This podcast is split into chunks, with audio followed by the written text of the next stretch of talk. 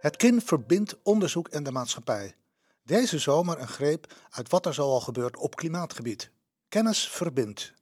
Vandaag in editie 5 van de KINcast. Het resultaat van acties van de consument is meteen zichtbaar. Meer dan 70% van alle Nederlanders meent dat de mensheid in actie moet komen om klimaatverandering tegen te gaan. Dat blijkt uit een presentatie van het Sociaal en Cultureel Planbureau. Ze zijn ook zelf bereid om een bijdrage te leveren, maar vinden wel dat met name het bedrijfsleven en de overheid meer verantwoordelijkheid moeten nemen. De wil is er in ieder geval wel, liet Linda Steg eerder al aan de NOS weten. Steg is hoogleraar psychologie aan de Universiteit Groningen en is intensief betrokken bij het KIN.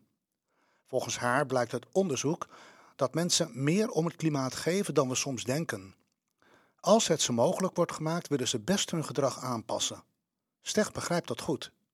Ze benadrukt dat het er niet alleen om gaat wat mensen willen, het moet ook haalbaar zijn.